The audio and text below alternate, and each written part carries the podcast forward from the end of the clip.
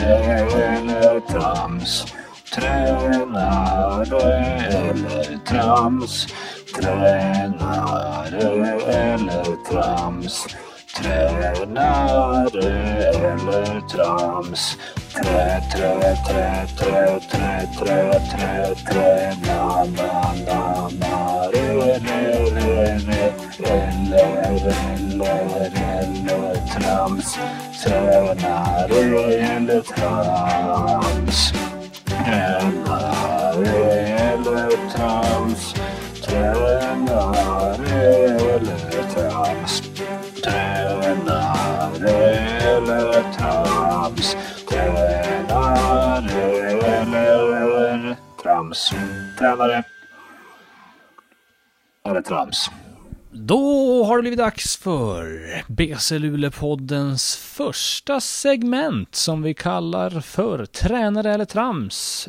Eh, tränare eller trams, eh, ja David, det är ju så att jag, Max Wik, jag dammsuger internet efter diverse citat, antingen från tränare i Svenska Basketligan här, eller trams helt enkelt. Och du ska gissa vad som är vad. Du börjar kunna det här vid det här laget va? Eh, jag har järnkoll och är jävligt laddad. Får man svära i den här podden? Hur mycket du vill. Oj, det ska jag ta tillvara på. Jävligt laddad är jag. Bra, första citatet då. Ena dagen kan det vara att montera hängrännor och andra kan det vara en stålkropp som väger 50 ton. Ja, det här skulle jag ju säga. Det här citatet är ju inte en baskettränare. Det hör man ju. Men det låter ju väldigt, det är ju svårt sen, men det är väldigt speciellt. För det är inte så många företag, för jag utgår från att det är ett företag, men det är inte så många företag eller privatpersoner som fixar den bredden liksom i verksamheter. Men ett har jag i hjärnan. Det är SMT Norrbotten. Så jag, jag chansar på att det är SMT Norrbotten.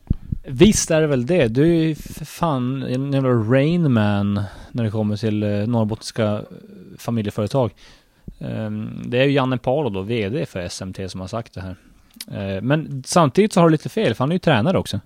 Ja just det, det är han ju. Men kanske inte i Svenska Basketligan här. Nej, vad jag vet i alla fall. Ja.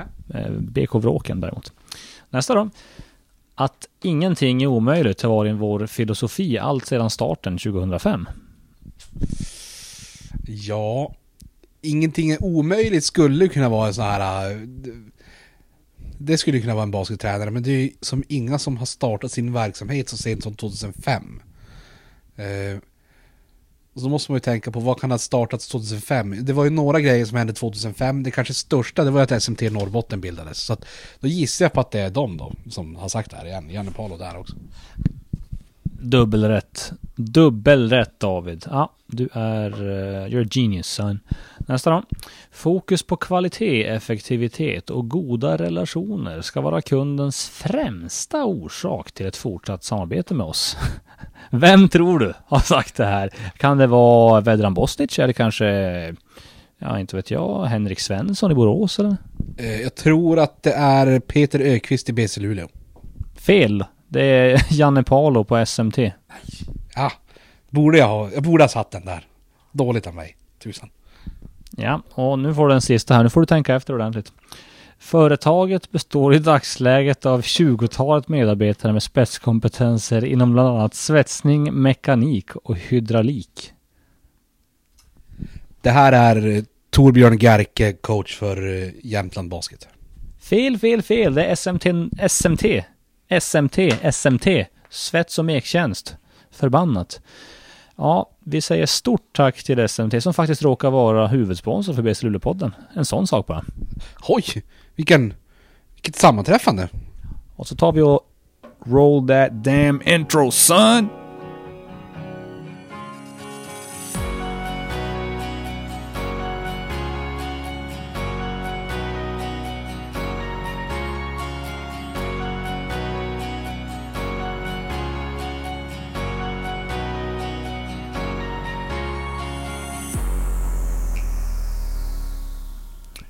Ja, hallå där basketvänner! Och varmt välkomna till ett sprajtans nytt avsnitt av BC Luleå-podden med mig, Max Wik och min gode, gode vän David Keso Nilsson.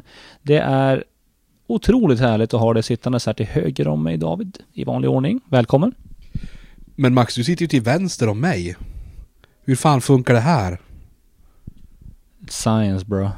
Ja, ja. Nej, det är trevligt att vara här. Jag blev väldigt konfunderad av hela den här grejen dock. Du till vänster om mig. Ja, äh, knivigt sådana där grejer. Du är lite snett till höger om mig, det kanske har något med det att göra, jag vet inte, här är det. Ja, för jag, jag, du är ju nordväst för mig, skulle jag säga. Om, jag har ju alltid vänt mot nord då liksom. Och då, då är du nordväst. Så att, ja. Det är sjukt hur det kan vara. Det där. Hörru du, jag tycker vi ska hoppa rakt in i det här. Nu har det varit... Vi släppte inte något avsnitt förra veckan eh, av den enkla anledningen att eh, det hanns inte med av olika orsaker. Jag kommer inte på riktigt varför här på rak arm. Men nu är vi tillbaka så, så skit i det. Ehm, och vi ska börja någonstans... Eh, ja, det är något, något som har pågått sedan 2013. Som Torbjörn Gerke uttryckte det, den blå elefanten i rummet. Eh, den blå elefanten i det här fallet heter BC Luleå. Och har nu alltså vunnit 19 raka matcher mot Jämtland Basket. Det är ju så att man häpnar. Ja, det är en hel del matcher. Du, alltså, du känner att micken är jättenära mig nu Max. Så. Ja, det, det är många matcher. Jag vet inte vad mer jag ska säga. Det, det går ju inte något mer som Jämtland. Alltså de har ju försökt hävda att nej men det sitter inte i något huvud. Det är som, det är lite konstigt men, men nu är, sitter det i skallen. Alltså, och sen är ju inte du så jävla diskret i att trycka in det. Alltså du säljer det ju ganska hårt också i allting du har gjort i efterhand. Så att, ja, det är tufft. Det är ingen rolig sits. Har du noterat också att jag inte säljer någonting inför matcherna, bara efter att de har spelats? Ja, men det är ju, du jobbar ju ganska aktivt med, med så här äh, demoralisera folk så här. Har, jag- har, jag, har jag tagit i podden om hur du jobbar när du live-tweetar? Ska vi, ska vi avslöja det här och nu? Ja, då, för så här gör ju Max Wik, han live-tweetar ju alla BC-matcher både hemma och borta. Ju ett, ett himla jobb är ju det. Ett himla jobb. Men då när han tweetar så, så fort BC Luleå gör något bra och säger att de får en run och gör 6-0 då, då taggar han motståndarlaget i tweeten. Men så fort det är så att motståndarlaget kanske gör 6-0 på dem eller någonting eh, eller någon i Östersund gör en cool dunk då, då taggar han ju inte dem inlägget utan då skriver han bara att de gjorde det här. Så det är lite lurigt och jag känner det är lite samma där. Ja, nej det, det, det är lurigt.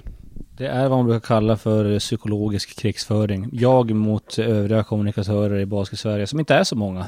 Det, kan, det kanske... Det kanske är något helt... Jag vet inte vilka det är som sköter alla konton. Jag, på en, jag skulle kunna gissa att i... Ska vi gissa? Det är en liten rolig lek. Ska vi gå igenom nu ligalag för ligalag, vilka vi tror sköter? Eh, när vi kommer till Köping och de här, då kommer det vara helt jävla bortfintat. Jag vet, jag vet knappt eh, vilka som är involverade i klubben. Eh, vi börjar då på B. Eh, För det finns inget lag på A, mig veterligen. Väl? Ja, Antwerpen, eh, där vet jag inte. Men eh, BC Luleå, där är jag. Eh, och i Borås Basket, då är det ju såklart Magnus Stråle, det är vi överens om va? Eh, Ja, det, det är väl så långt jag känner att min expertis sträcker sig ungefär. Sen kommer jag bara börja säga namn på folk som jag vet är i närheten av klubbar. Men, men Stråle känns, det känns klart. Jag vet inte om vi ska ta det i alfabetisk ordning. Det är lättare för mig att ta det, på, bara dra det ur arslet så att säga. Eh, då går vi vidare på Södertälje och där, jag har ingen aning men någonting säger mig, det ger mig en känsla av att det fan är typ klubbdirektören Robban Andersson som sköter det där, sociala medier där. Jag vet inte om det stämmer men ibland får jag den känslan. Jag eh, känner ju inte Robban Andersson så bra. Eh, men ja, nej, jag vet inte. Ja, kan vara så. Kan, kan också vara så att det... Nej, nej men jag, jag får köpa den gissningen. Det blir bra. Lite kuriosa där är ju att Robban Andersson hatar ju dig David. Ja, det är han säkert inte ensam om i, i basket Sverige. Nej, du är hatad av många. Älskar av få. Jo, så är det ju faktiskt. Nej, det skojar jag bara. Jag, jag, jag är på... jag, jag är på älsklistan i alla fall, gubben. Eh, Norrköping Dolphins, där har vi ju eh, Robin Svensson, eh, vet jag ju. Men han sköter ju inte all kommunikationen, utan eh, det är ju till exempel Ja, sociala medier, där är, där är det väl han, det måste det vara. Sen är det ju även, då på hemsidan skriver ju oftast Benny Lindblom eh, texterna med eh, blandad framgång. Eh, vi går vidare. Då har vi, ja just det, jag försöker gå tabelläget här nu, Borås, sen är vi Jämtland. Jämtland, där tror jag att det är, um, utan att veta, Viktor Burska. Det är vad jag tror. Ja, det är ingen dålig gissning. Eh, jag vet inte, alltså det är ju så, det är ju inte så stora organisationer där. Så det är väl en vettig gissning att det är Viktor Burska kanske. Eh, tror, hur, hur inblandad tror vi att Gerka är i, i the day to day? Han, han skriver ju alla matchreferat och sånt. Eller alla, men de allra flesta och inför matchen-texten och sådana där. Och det gör han ju bra. Men hur, hur inblandad tror han är i the day to day och lägga upp coola bilder på Instagram och sånt? Jag tror inte att han är det så mycket nu. Någon gång vet jag att han, när de var välkomna något, något nyförvärv, typ RT gå in och Sean Ganya, då har han filmat och gjort intervjuer direkt från flygplatsen, det har jag sett. Eh, men han, jag skulle tro, jag, jag gissar nog ändå att det är Viktor Burska för att jag vet att han har klippt lite, lite snygga highlights och sånt där för dem. Och de har ju tagit kliv framåt så att det, de, gör det, de gör det bra. Eh, vi fortsätter där då. På, vad kan vi ha för lag på sjätte plats i tabellen tror du? Nej, men kanske Nässjö. Nässjö, där, eh, och där, är- alltså jag är helt bortfintad om det kan vara som sköter. Kanske någon av de, Mats Homelius eller Ulf Claesson, de är inte kvar i klubben med, tror jag ens. Men eh, jag vet inte. Ja, alltså det är otroligt namedroppande nu, men det kanske är någon som blir glad över att få höra sitt namn i BS Luleå-podden. Det är ganska stort. Jofs. Ja, det, det är det ju absolut. Alltså, Sveriges ohotat bästa, jag skulle inte ens säga basketpodd, jag skulle säga basketmedium. Alltså det är ju ingenting som är i närheten av oss. Korrekt, såklart. Eh, Vätterbygden, och där har jag en känsla av att det är vår vän Dennis Aulander som sköter allting. Det känns som hans ton i allting. Kan inte, kan inte garantera, men jag tror det. Han är ganska duktig på att skriva faktiskt. Ja, det är som du säger, så det är han... Känslan av Dennis Aulander genomsyrar som hela, hela verksamheten där. Så det, det är nog ingen dålig gissning. Sen då Köping Stars, nej. Nej, jag har ingen, jag har ingen aning. Nej, alltså nej. Vi lämnar det. Och sen efter Köping Stars, då kommer vi till Ume BSKT och där tror jag att det är lite bland- blandad kompott. De har ju en kille där som man vet jag har tagit över lite ansvar för sociala medier eh, på, på ideell basis vad jag förstår. Och sen så tror jag även att Caroline Musita Bagenda, eh, Musito Bagenda har gjort några, några insatser här och där. Ja, stämmer säkert. Jag vet att Luca Romano brukar ju livesända ibland på Facebook. Eh, Men det kanske är från sitt eget konto liksom. Jag vet inte. Mm. Eh, och sist Uppsala, det tror jag han heter Erik Gillberg. Han som gör det. Eh, om jag inte är totalt ute och, och, och svamlar här nu.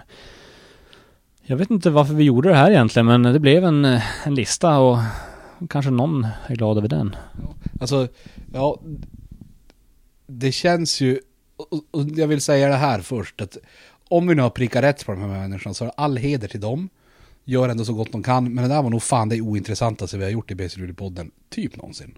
Jag tror det. Och det, vad heter det nu, kroken på det hela var ju då att det är de jag trashtalkar som när jag taggar. Eh, när jag taggar folk i våra inlägg när vi gör bra saker. Och det kan ju vara typ Dennis Aulander någon gång. Och vilket skulle kunna smitta av sig på, på, på tränare och, i, och i förlängningen då spelare. Och då kanske vi vinner på det. Jag vet inte. Eh, Gerke har, in, har någon inlogg till något eh, konto kanske också. Men och allt som oftast tror jag inte att det påverkar så jättemycket. Eh, nej, jag får nog faktiskt hålla med där. Eh, påverkan är nog störst i ditt huvud tror jag. Alltså jag tror du ser det som större än vad det är. Jag gillar ju taktiken dock. Alltså, jag vet inte om någon av dem har reflekterat över det. och Jag vet inte om någon ens tittar på Twitter under matcherna av dem där. Men, men, men eh, ja, det är kul. Eh, otroligt kul. Eh, och det vi egentligen började på här, det var att vi pratade om den blå elefanten i rummet, BC Luleå, 19 raka segrar. Jag tycker vi ska prata lite grann om matchen senast. Jag vet inte om du har sett den nu i efterhand David, jag såg den ju live. Och det, jag kan säga så här att eh, vi började väldigt lovande, precis som mot Umeå senast, eh, senaste hemmatchen. Började väldigt bra. Eh, sen fick Corban Collins några snabba foul och då var Thomas Massamba tvungen att dra ett jäkla lass i anfallet och som han gjorde det. Han drog ju, som han alltid gör, fick med sig mycket fouls. Eh, Tog bollen hårt i korgen, drog in lite utifrån, spelade fram sina medspelare. 25 poäng, 7 assist, 5 returer tror jag det blev. En helgjuten insats av vår vän eh, Thomas Massamba. Kommentar på det? Eh, nej, men det känns väl tryggt. Eh, framförallt eftersom att det nu de senaste matcherna kanske har varit eh, Corbin Collins som har varit den här eh, megapoänggöraren och sen har de flesta andra kanske legat där bak och, och gjort några som har gjort 12-13 och så har Corbin fått göra 29. Så det var ju skönt att känna att det är någon annan som kan eh, liksom kliva fram när det behövs sådär. Eh, så det var, ju, det var ju härligt. Bra. Eh, sen har jag som du säger inte sett matchen. Eh, men, men du verkar ju ha järnkoll på hur den var. Och noterbart från matchen är ju då att Sveriges eh, hyfsat nya förbundskapten Hugo Lopez var på plats. Han fick se 31 poäng från Adam Rönnqvist i Jämtland Basket. Det är nog inte helt dåligt för hans aktier kan jag tänka mig. Eh, Denzel Andersson också, vilken, vilken härlig match han hade. Eh, sköt inte skitbra utifrån, men, men eh, var nyttig på många andra sätt. Eh, 16 poäng, 13 returer, 4 blockar och riktigt bra försvar stundtals. Känns som att Denzel kommer börja cementera sig i landslaget framöver snart. Eh, det känns ju oundvikligt skulle jag vilja säga. Eh, ja, riktigt duktig basketspelare. Mångfacetterad. Gör mycket saker bra. Och framförallt en hyvens kille. Men det jag tycker är roligt också är ju att man har sett lite mer av den här killerinstinkten i Denzel det senaste året. Han, han har vuxit med förtroendet börjar attackera från studs, tar den hela vägen, alltså gör med ryggen mot korgen, han börjar våga ta för sig lite mer också. Skjuter med, med självförtroende från trepoängslinjen, det är som ingen, tvivlar som inte, han bara tar den, den är min, jag ska skjuta den. Och det älskar man att se. Ja, det har väl länge varit en eh, typ den kanske största kritiken mot Denzel att han oftast är lite för snäll då. Eh, och det är som du säger så, så känns det ju som att han har lärt sig att plocka fram den här jag vill inte säga tävlingsdjävulen för jag tror han alltid har tävlat. Men det här att kunna buffla ner folk till ringen och, och sådana där grejer. Det, det är kul. Heja, heja Denzel. Man blir glad, visst är det väl så. Sen så var det så att Corban Collins, han hade fyra foul väldigt länge. Eh, men i slutminuterna, jag tror han gjorde våra typ åtta av nio sista poängen och sånt där i matchen och såg till så vi vann i alla fall två tuffa treor, en coast to coast, sådär som man är van att se pojken. Eh, så att han blev ju superviktig ändå till slut. Och Tavares Shine, jättefin match, 19 poäng.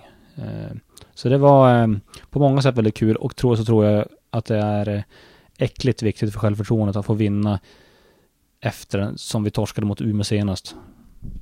Ja, eh, nej men låter väl som en helgjuten insats egentligen. Eh, och, och, som du säger, viktigt, viktigt att gå in och vinna den där. Det hade kunnat vara tufft. För torsken mot Umeå var, var inte vacker. Eh, och det hade varit tufft kanske att känna så här, ja nu har vi torskat mot Umeå och efter att ha vunnit 18 raka mot Östersund så torskar vi mot dem utan Shonganya och med en splitterny amerikan lätt som har gjort en träning. Det kan, det jag inbillar mig att det lätt kan sätta sig i huvudet. Så det var skönt att få knipa den segern. Det finns några andra streaks i basketligan, svenska, där is, eh, som sticker ut. Och en av dem är ju då, som jag tror att Umeå har aldrig vunnit mot Norrköping sedan de kom upp i basketligan. Det är ju en streak som heter duga. Eh, och sen tror jag också att det är så här att eh, Borås Basket säsongen 2013-2014, de hade väl 22 raka vinster. Det här är ju tre streaks som sticker ut va. Vilken av dem rankar du högst? Jag vet vilken jag rankar högst. Ja, jag vet inte. Alltså det är, hur länge har Umeå varit i ligan? Vet du det på rak arm? Ungefär. Oh. Nu är helt ouppkollat säger jag 2014-2015. Så marginellt kortare än BC Luleås svit mot Jämtland. Ja, alltså jag vet inte. Det, det är ju sjukt imponerande att vinna 22 matcher i rad. Eh, det är ju svårt att hålla den kvaliteten. Eh, samtidigt, alltså man måste kanske säga 19 i rad mot, mot Jämtland. Men det, det, man ska komma ihåg är att Jämtland ganska länge var väl inte jättebra. Alltså man kanske blir lurad av att förra året gick det bra för dem, i år har de ett bra lag. Det har inte varit så sedan 2013. Det har det inte varit. Men vi, vi kanske, jag säger delad etta plats eh, mellan eh, BCs streak mot Jämtland och Borås tusen matcher i rad. Jag tar faktiskt, jag är faktiskt på Borås sida. 22 matcher i rad under en säsong. Det är sjukt av vinnare. Eh, vi hade ju någon streak, vad var det vi hade? 26 raka hemmamatcher tror jag vi hade också. Det är också en hyfsad streak som vi hade i fjol som spräcktes av Borås väl. Ja, det är, det är imponerande. Vi går vidare.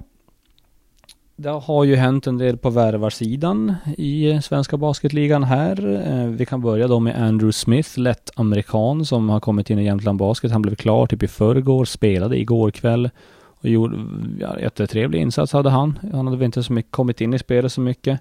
I och för sig har ju Jämtland en ganska fritt anfall så att jag vet inte hur mycket man behöver komma in i det. Eh, så att, eh, nej, men han, han, han såg jättetrevlig ut. Atletisk, lång, kommer ju definitivt göra nytta och komma till sin rätt när Evarist från Ganja är tillbaks. Eh, det är jag övertygad om. Sen har vi Kyle Rowley som är ny i Vätterbygden och ersätter Karl Engström. Jag tror inte vi har nämnt honom, vet inte. Han är från Trinidad och Toba Tobago, så säger man va? Tobago. Tobago säger jag nu. Han en klassisk centerpjäs ändå. Rejäl, stor. Kommer få det kämpigt i pick och rull-situationer om han tvingas byta ut på garder. Jag tror inte han kommer vilja det kanske, men, men om, han måste, om, om det blir situationer där han måste byta ut på mindre spelare kommer det bli väldigt, väldigt jobbigt. Sen så tror jag han är ganska duktig runt ringen på att göra mål och så vidare. Och eh, den mest intressanta värvningen såklart, det, han, det handlar ju om Irvin Morris, BC Luleås nya amerikan, 196 centimeter, har gått på college på UTEP Började på Kent State där eh, Magnus Stråle eh, från Borås upplyste mig om att eh, Andrew Mitchell gick också på Kent State. Um, ja, det, det, är en, det är en klassisk målgörare. Han kom, det kommer smälla i ringarna, han kommer attackera korgen hårt och jag tror det kommer bli sjukt kul att titta på den här killen. Jag har bara sett highlights i vanlig ordning. men jag älskar det jag ser David.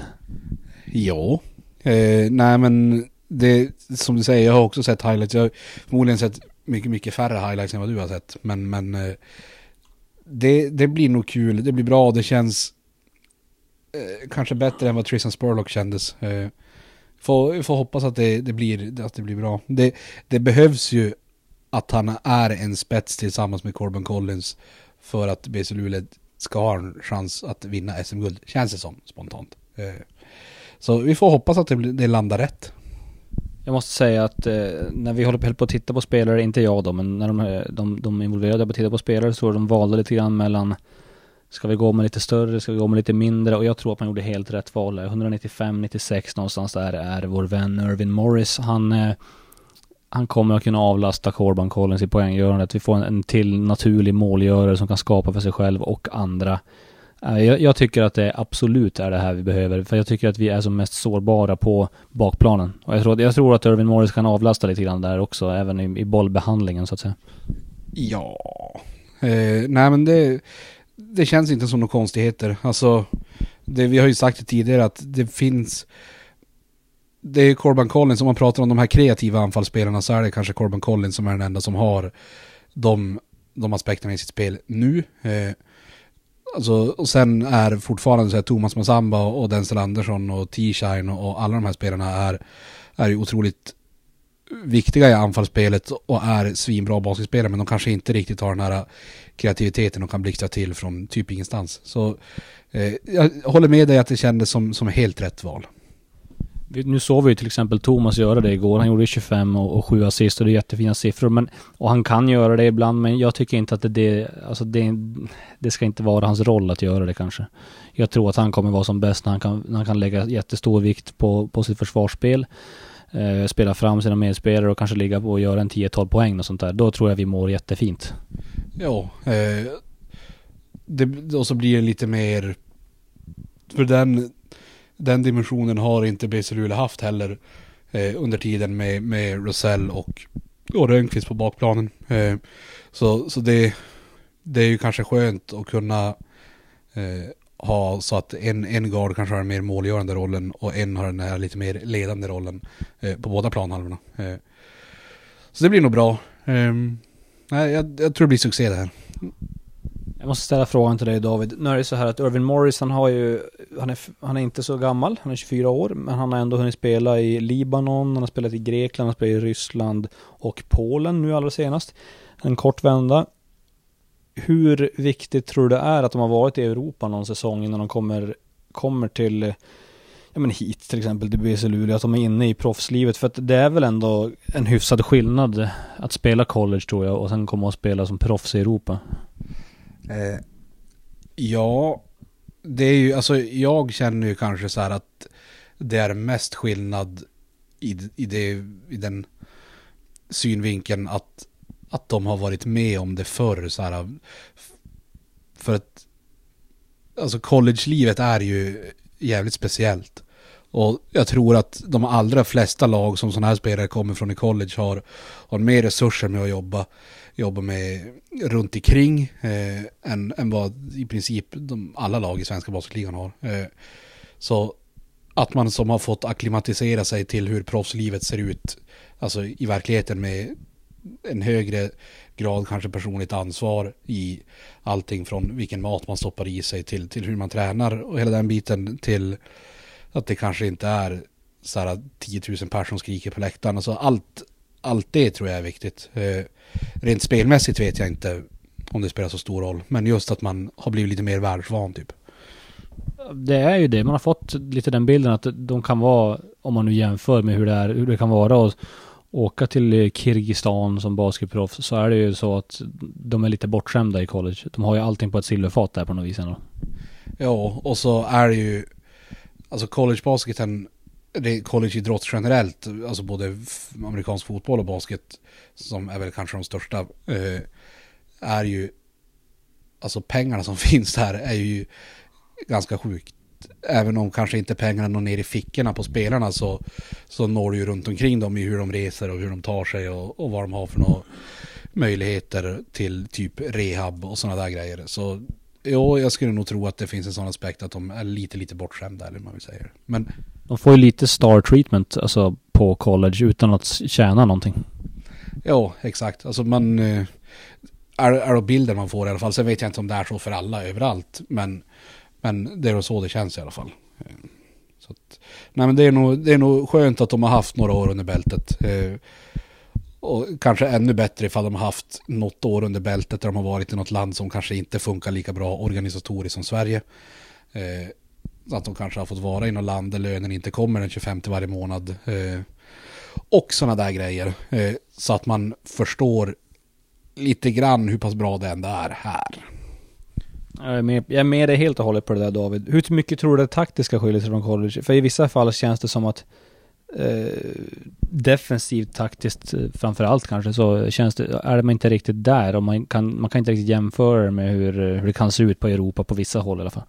Nej, det är väl, nu ser jag så jättelite collegebasket ska jag erkänna. Men det är ju allt från, nu är det ju inte jättestor skillnad, men, men det är lite kortare trepoängslinjer, det är eh, det är längre skottklocka jag upplever att det inte riktigt är samma tryck eh, i farten upp och ner. Sen tror jag det har börjat slå över. Det, det har börjat komma till college också, är ju uppfattningen i alla fall. Min uppfattning alltså. Men eh, nej, jag vet inte, det är svårt att säga. Sen lägger de ju ner svin mycket tid, jag fattar, på, på scouting och sådana där grejer. Så det är inte så att de kommer hit gröna till, till den biten. Det gör de förmodligen mycket, mycket mer i college än, än här.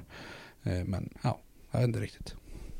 Ja, det kanske är lite mer det här individualistiska som att man ska, du ska stoppa din kille och hela, hela den biten. Ja, det, det skiljer väl sig jättemycket från var som spelar antar jag. Men... Nej. Nej, okej. Okay. Nej, då gör det väl inte det då. Nej, men jag, jag, vet inte.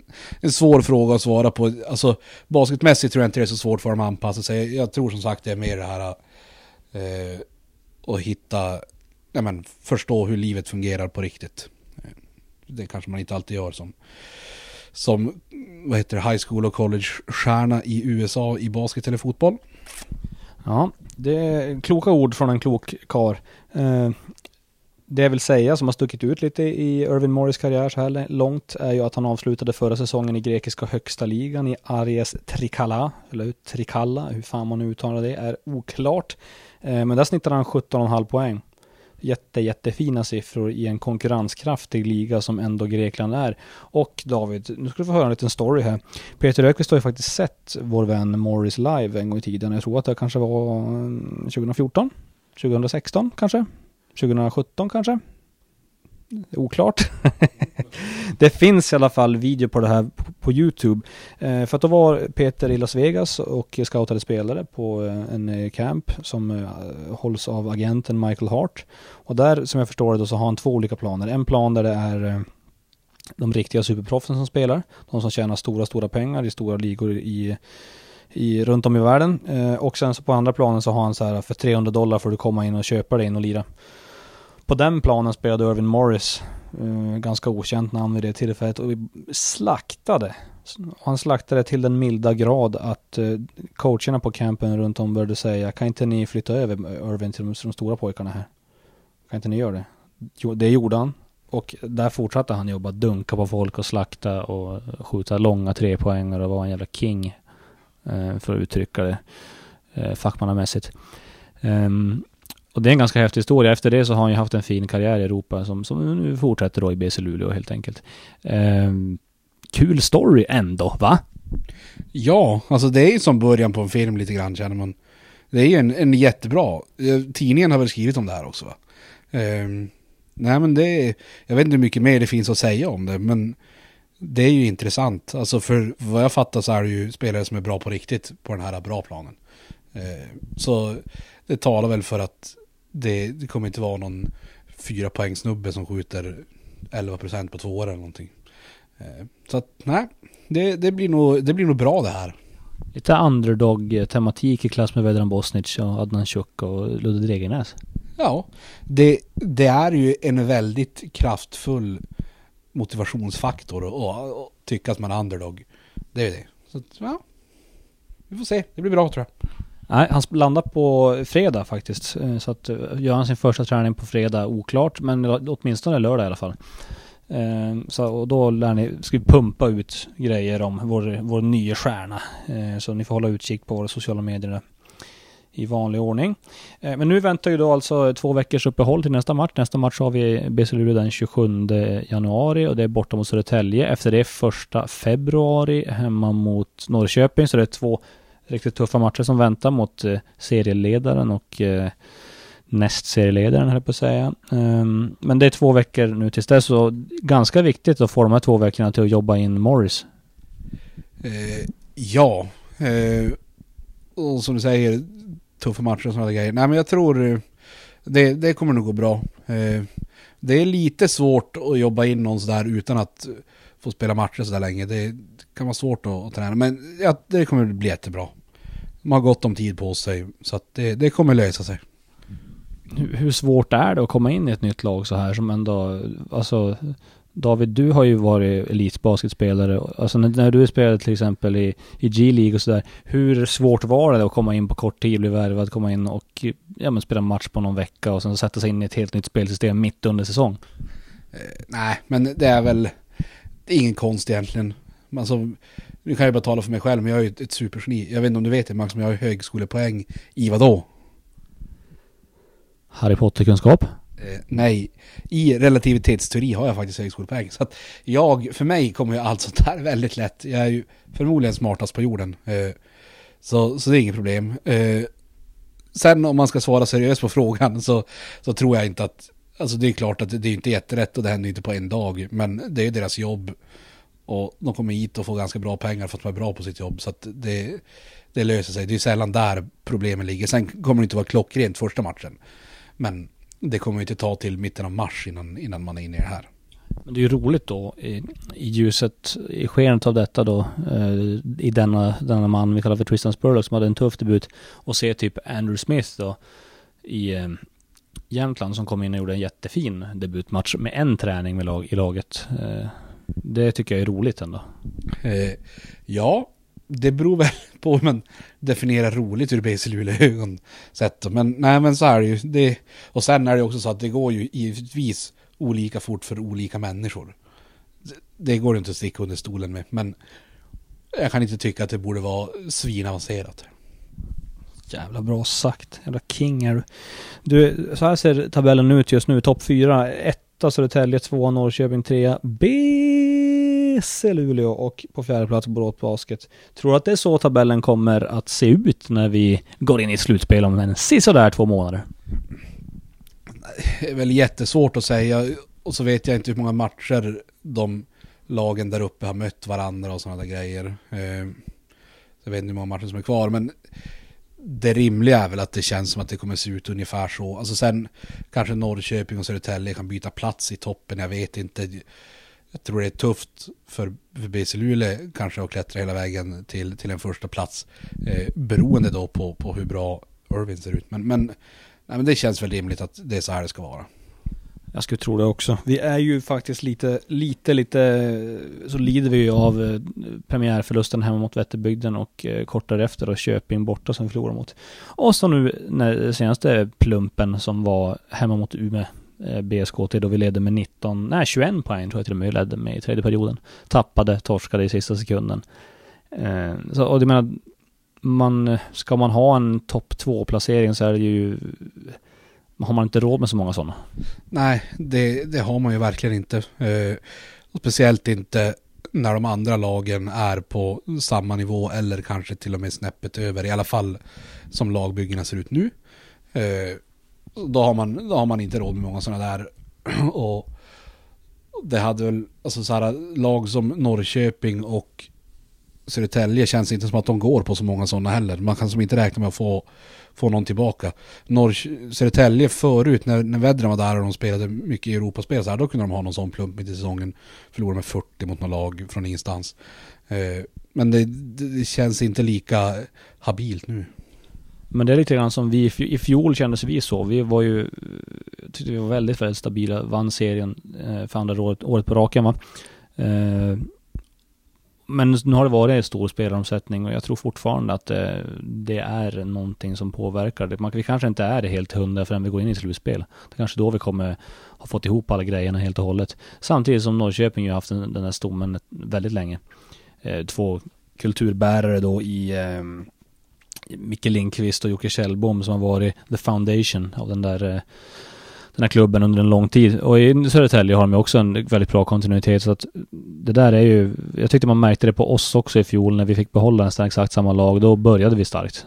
Så att eh, jag tycker det är nog inga konstigheter.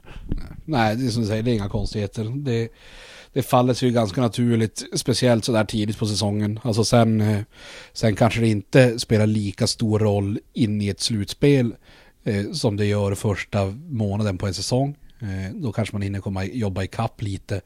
Eh, även om man skulle ha ett helt nytt lag. Men, men som du säger, det, det, är inga konstigheter att man börjar starkare ifall man har kvar hela laget från förra året.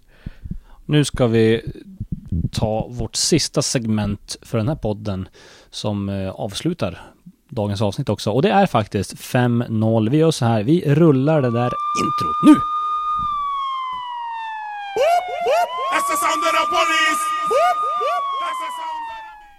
5-0, 5-0, 5-0. Det blir inte mycket bättre än så. Det är ju då 5-0, polisen, the sound of the police. Det är, det är då vi listar fem saker och efter vi har listat fem saker, då listar vi noll saker.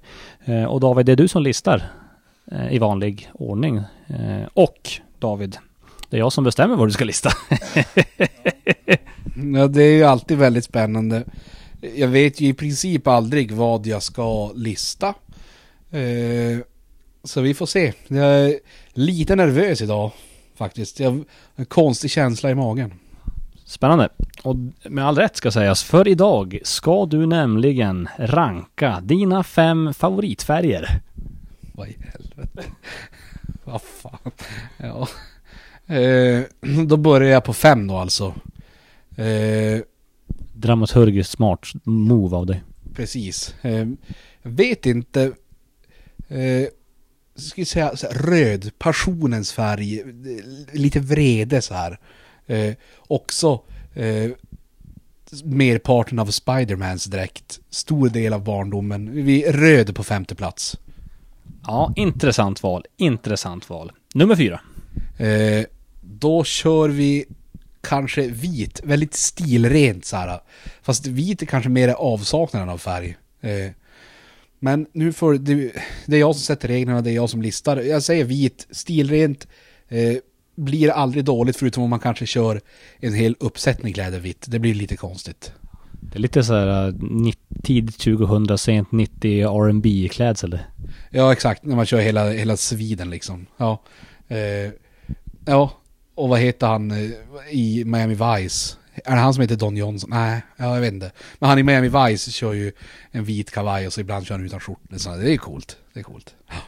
Ja, det där är spännande. Och det blir lite, lite filosofiskt här nästan. Är det kanske avsaknaden av en färg? Är det en färg? Ja, jag tycker det är, väldigt intressant. Skandinaviska hem, de är de är ofta väldigt vita på väggarna. Ja, precis. Väldigt. Alltså, vi sitter i ett, i ett vitt rum just nu. Eh, och man känner sig väldigt trygg liksom. Ja. Bra sagt. Nummer tre. Eh, då kör vi, vad heter det? Alltså, jag måste, innan jag går vidare, för jag vet inte hur jag ska lägga upp det här Max, får, får min plats ett, får det vara en kombination av färger? Ja. Det får vara det. Bra. Eh, för då är jag så här, och då, men då vet jag fortfarande inte för att nu tror jag att jag kan ha gjort bort mig. För att jag vill trycka in svart någonstans för att det är så jävla emo och man hatar livet så mycket. Eh, men vi kanske gör så här. Ja men vi tar svart nu. Vi tar svart nu. Eh, och då har jag redan sagt att det är så här mörkt, dystert. Och får jag bara ligga hemma i soffan hela dagen och titta på Netflix. Jag orkar inte gå ut ur rummet. Eh, Så, lite så. Starkt. Mm, Starkt. Då går vi raskt vidare till plats nummer två. Eh, och då, plats nummer två, det blir den här på tavlan där bak i, den planja gröna där. Känns väldigt, och, alltså det är så rätt. Planja, grönt, basket, wow. Jag har nyligen målat en vägg grön hemma hos mig. Inte den, lite, lite mer mörk eh, olivskogs någonstans där. Eh, Ja, Ja, jag inser nu också att det här var ju en typisk så här killlista av färger, du vet med bara de här grundfärgerna. Eh, man hade ju kunnat köra något så här, istället för vitt hade man kunnat säga äggskal, det är lite, eller grädde. Det blir lite mer än vitt, alltså, förstår du? Ja, projicera inte dina eh, könsroller på, på oss nu. Du, det, är- det är du som säger det. Det står, det står inte BSL-podden för. Eh, plats nummer ett. Ja, plats nummer ett, det blir, det blir gult och blått då. Och det var det jag menade med färgkombinationen. Jag vet inte om du trodde att jag menade så här rå, alltså du vet, något så här, ja. Men gult och blått. Och här är det lätt att tro för, åh, patriot, Sverige. Nej, det är det inte. Det är för att höken är gula och blå. Boom, Höken Basketmannen. Represent. Wow. Eh, helt rätt. Eh, Sveriges överlägset finaste basketförening. Eh, jag skulle nästan till och med kunna säga förening slash klubb slash gemenskap slash vad fan. Eh, I hela Sverige generellt bara stort. Eh, mäktigt som fan. Och med de orden säger vi tack till alla er som lyssnat. Jag säger tack till David Kirsten Nilsson. Det här har varit BSL-podden. Jag heter Max Wik och vi säger på återhörande!